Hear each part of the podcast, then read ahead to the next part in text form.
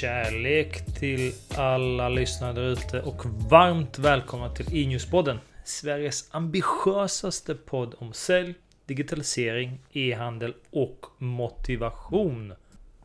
Jag vill återigen tacka för att så många återigen lyssnade på förra veckans avsnitt där vi tog upp B2B-plattformar. Ett avsnitt som var oerhört uppskattat av er där ute. Jag tackar för återigen för den kärleken eh, ni visar och eh, det gör bara att man vill fortsätta göra det här hela tiden liksom. I dagens avsnitt så fortsätter jag att prata e-handel och ta en titt på Nets nya rapport om hur svensk e-handel mådde och presterade under 2020. Rapporten som släpps av Nets varje år eller Dibs som de hette innan, är nu inne på sin fjortonde upplaga. Uh, och det är ju naturligtvis så att året präglades av uh, coronapandemin.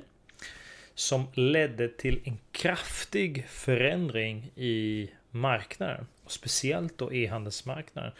Men även i beteendet hos kunderna.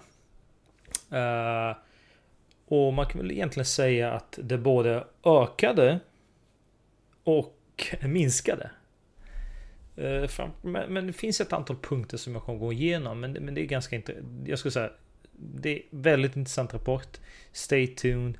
Och om är det så att ni vill läsa den själva så hittar ni naturligtvis länken. Jag kommer lämna den ner i eh, beskrivningen.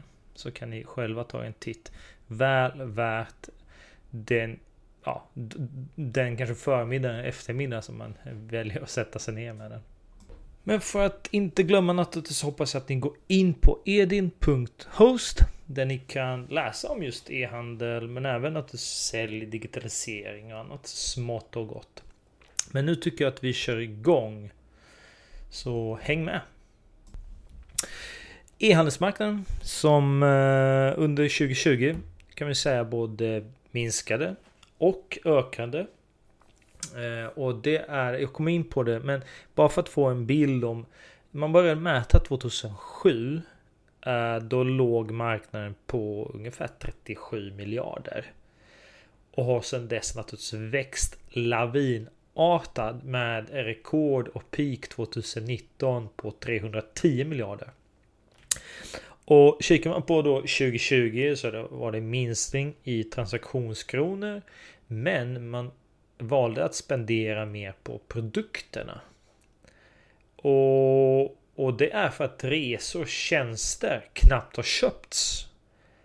Eh, men de har haft så stor del av liksom e-handelskakan eh, åren innan då. Så att eh, det var, det var faktiskt det som det påverkade så pass mycket.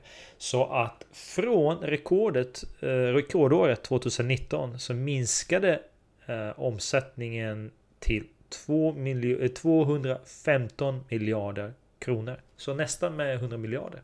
Och det är bara för resor och tjänster.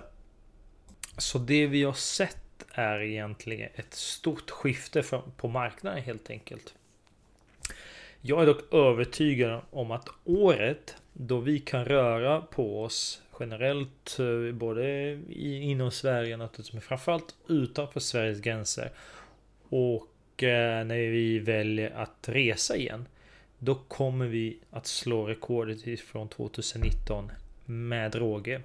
Och anledningen till varför jag tror det, det är för att helt andra och nya personer har hittat ut till e-handelsmarknaden helt enkelt och sett nyttan med det.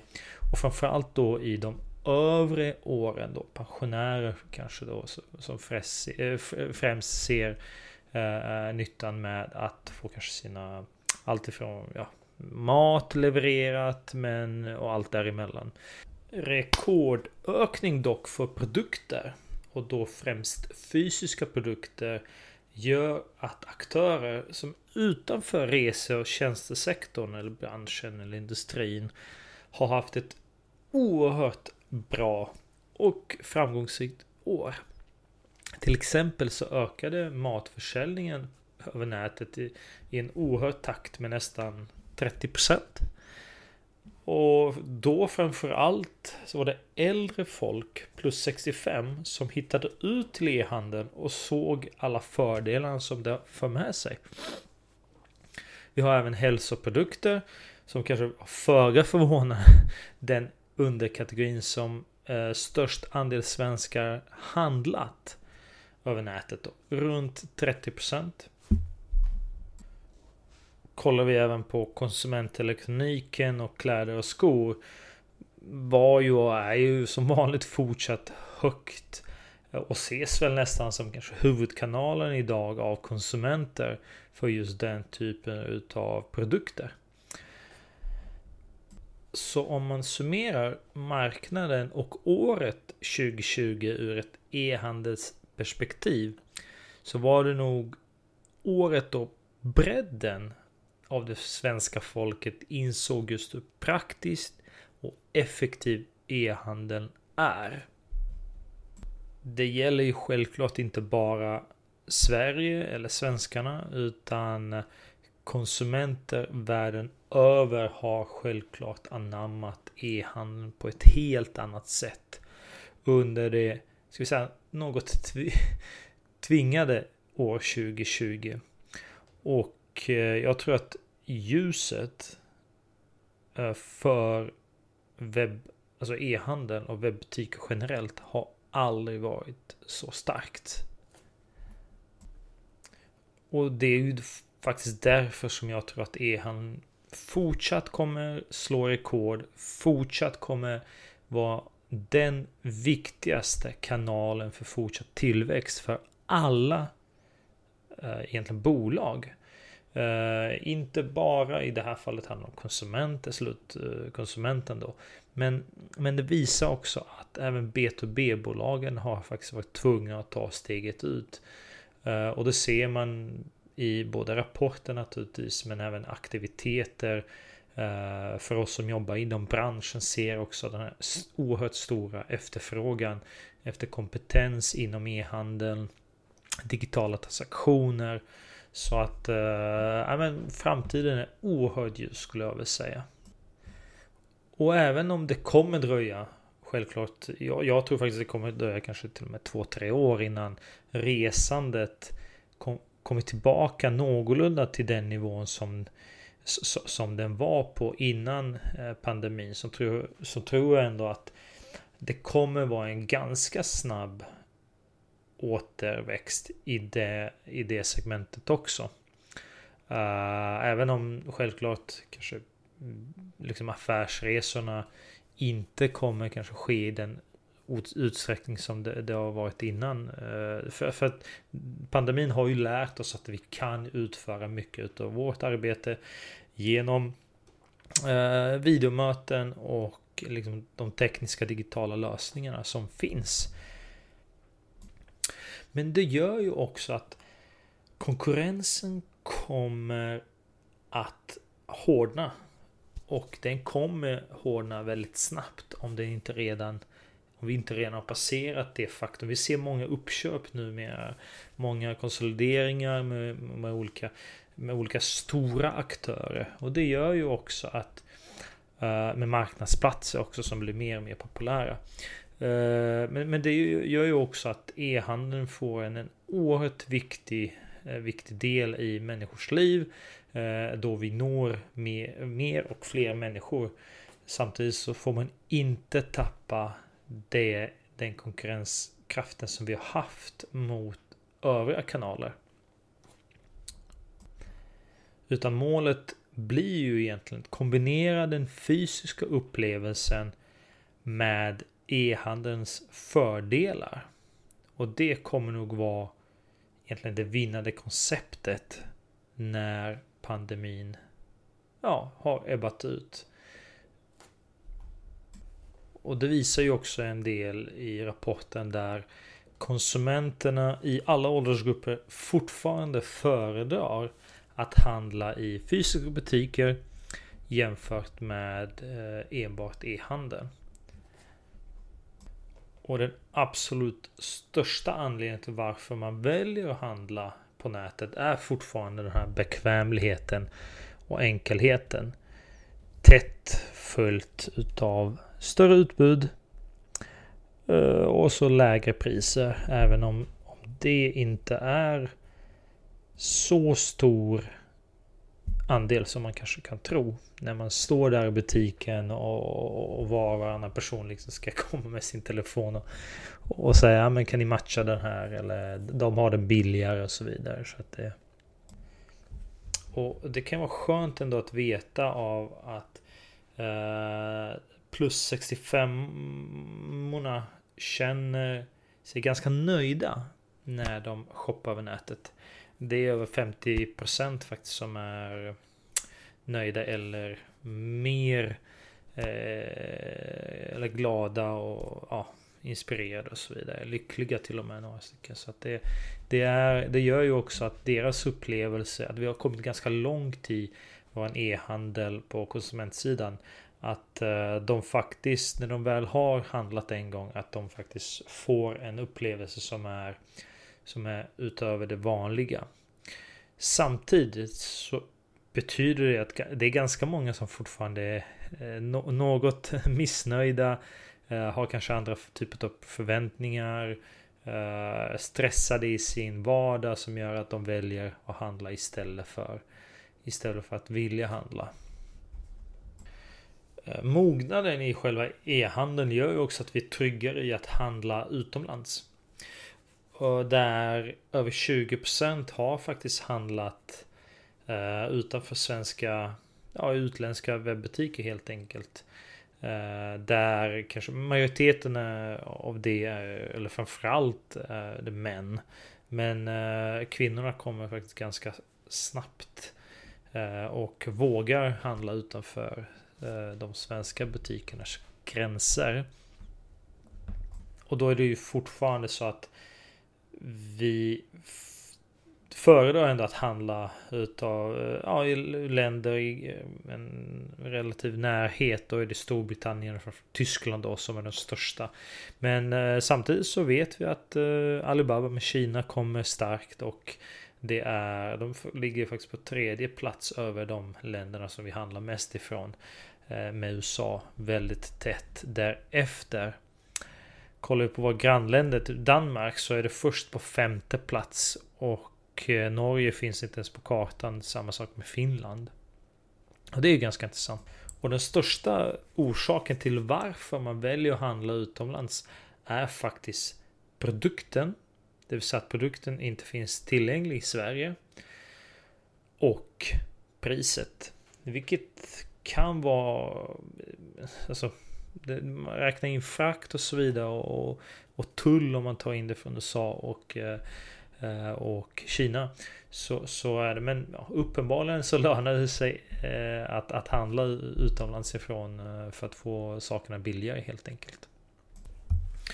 Och om vi går över till eh, vilka devices som används så är det ungefär fyra år sedan så eh, nådde den mobila e-handeln någon slags milstolpe när mer än hälften av svenskarna handlar från sin mobil. Uh, och det är ju naturligtvis en oerhörd ökning mot åren innan.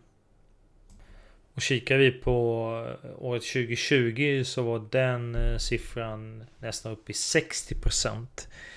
Så 6 av 10 svenskar har gjort ett köp på nätet från sin mobiltelefon eller surfplatta den senaste månaden. Ungefär 5 miljoner svenskar. Och där är det faktiskt mer vanligt att kvinnor handlar via telefonen än vad det är män. Även om det även där så är det inte så stor skillnad faktiskt. Och nu till det man kallar eh, e-handelns framtid. Och tittar man på vad eh, man, ställer frågan helt enkelt. Vad av följande vill du använda när du handlar online om fem år? Och då så var biometri, alltså använda fingeravtryck, eh, face recognition eller annan ja, del av kroppen så att säga eh, för hjälp av identifiering. Det var absolut den största Ehm, det var det största verktyget som man skulle vilja då använda med 23%. Med virtual reality inte så långt efter. Det vill säga att man ska kunna gå in i en butik, eh, kanske då med ditt VR, eh, med ja, VR-glasögonen. Gå runt i en, se 3D-bilder, försöka liksom få en bild av ja, mm, 360 graders Ehm, liksom feeling på, på en produkt då. Ehm, det var ungefär 17%. Sen var det inte så många som sa, det var 13% som sa drönare eller robotleveranser. Ehm, och eh, automatiska eh, beställningar, uppkopplade produkter. Eh, som är relativt vanligt i USA får man väl ändå lov att säga i jämförelse med Europa framförallt då. Uh, och där, därefter så är det 5% på röstassistanser. Det vill säga att assistenter, det vill säga de Google Assistant assistent och Siri och eh, Cortana och så vidare. Det är inte, det vill sig inte riktigt eh, för det i Sverige. Vi, vi är nog fortfarande lite för fega för att låta det här komma in i vår, våra hem då. Går vi snabbt över på betalsätten som vi väljer att använda på nätet så ser vi att eh, kort är ju naturligtvis fortfarande det mest populära. Det, det är ju eh, det, det, är liksom ingen ja, det, det används av 64 eh, procent av eh, folket som har handlat via nätet. Man ser också faktura har tagit liksom starka kliv framåt. Och jag tror att ni alla som är, med, som, som, är inblandade i den här eller involverade i den här branschen vet ju att Klarna har ju fått ganska mycket skit för senaste tiden för just eh, våran överkonsumtion i Sverige och framförallt kredittillgängligheten eh, då som är ah, by far eh, den, den kanske märkligaste i, i världen då. Eh, men, mm, och tilliten i, i att köpa på kredit, det vill säga få någonting för att, för att betala sen då. Men eh, kort är som sagt fortfarande det, det populäraste. Swish inte långt efter och så kommer faktura då som har tagit de största kliven framåt. Men tittar man på vad vi föredrar att eh, betala med så är det faktiskt faktura. Där hela 33% av folket föredrar nämligen att använda faktura. Och det roliga är ju att se att faktura föredras ju högre upp i åldern man kommer. Och det är ju Ska man bara liksom och Swish då i samma veva gå, gå ner Samtidigt som kort är ganska stabilt där runt 20% av konsumenter. Eller 22% om man ska vara exakt. Eh, och det, det, är ju ganska intressant att det handlar ju självklart om eh, tillit och, och skapa att nej men köpa faktura. Eh, få produkterna, undersöka dem för att sen då betala. Och det är ju 65-plussarna framförallt då som har en, en ganska stor... De föredrar det framförallt då framför de andra. Uh, och det, det, kan man ju förstå liksom om man är förstagångsköpare och så. Men det kan vara också kul att eh, se hur fördelningen av län olika länders konsumtion uh, ligger till. Där vi har naturligtvis Tyskland som en jätte i den här jämförelsen. Där man spenderar ungefär 162 miljarder euro och det är ju ganska... Det må man ju säga ändå är ganska... Ja, det, är, det finns inget annat land som kommer i närheten eh, av, de, av de länder som man har eh, jämfört helt enkelt. Eh, Sverige ligger faktiskt efter både eh, Både Österrike till exempel som har 23 miljarder som omsätter ungefär 23 eller spenderar ungefär 23 miljarder euro. Uh, Schweiz Likaså. De, de spenderar ungefär 27 miljarder. Uh, Polen som har växt något oerhört de senaste åren. Även de ligger på 22,21 miljard uh, euro. Uh, tittar vi på våra grannländer så är det naturligtvis mycket mindre då eh, mot Sverige. Där Sveriges 21,3 miljarder mot Danmarks 13,1 och Norges 16,4 miljarder. Det var det jag hade idag. Eh, återigen ett lite kortare avsnitt. Men jag hoppas eh, att ni ger er ut nu och läser in er på rapporten för det finns oerhört matnyttig information om ni är intresserade av e-handel. Eh, för det, det tyckte jag i alla fall. Nästa vecka så kommer vi att snacka mer om sälj. Så stay tuned och som vanligt så tar jag gärna emot fler tips ifrån er lyssnare. För det är ni som sätter agendan. Tack för idag.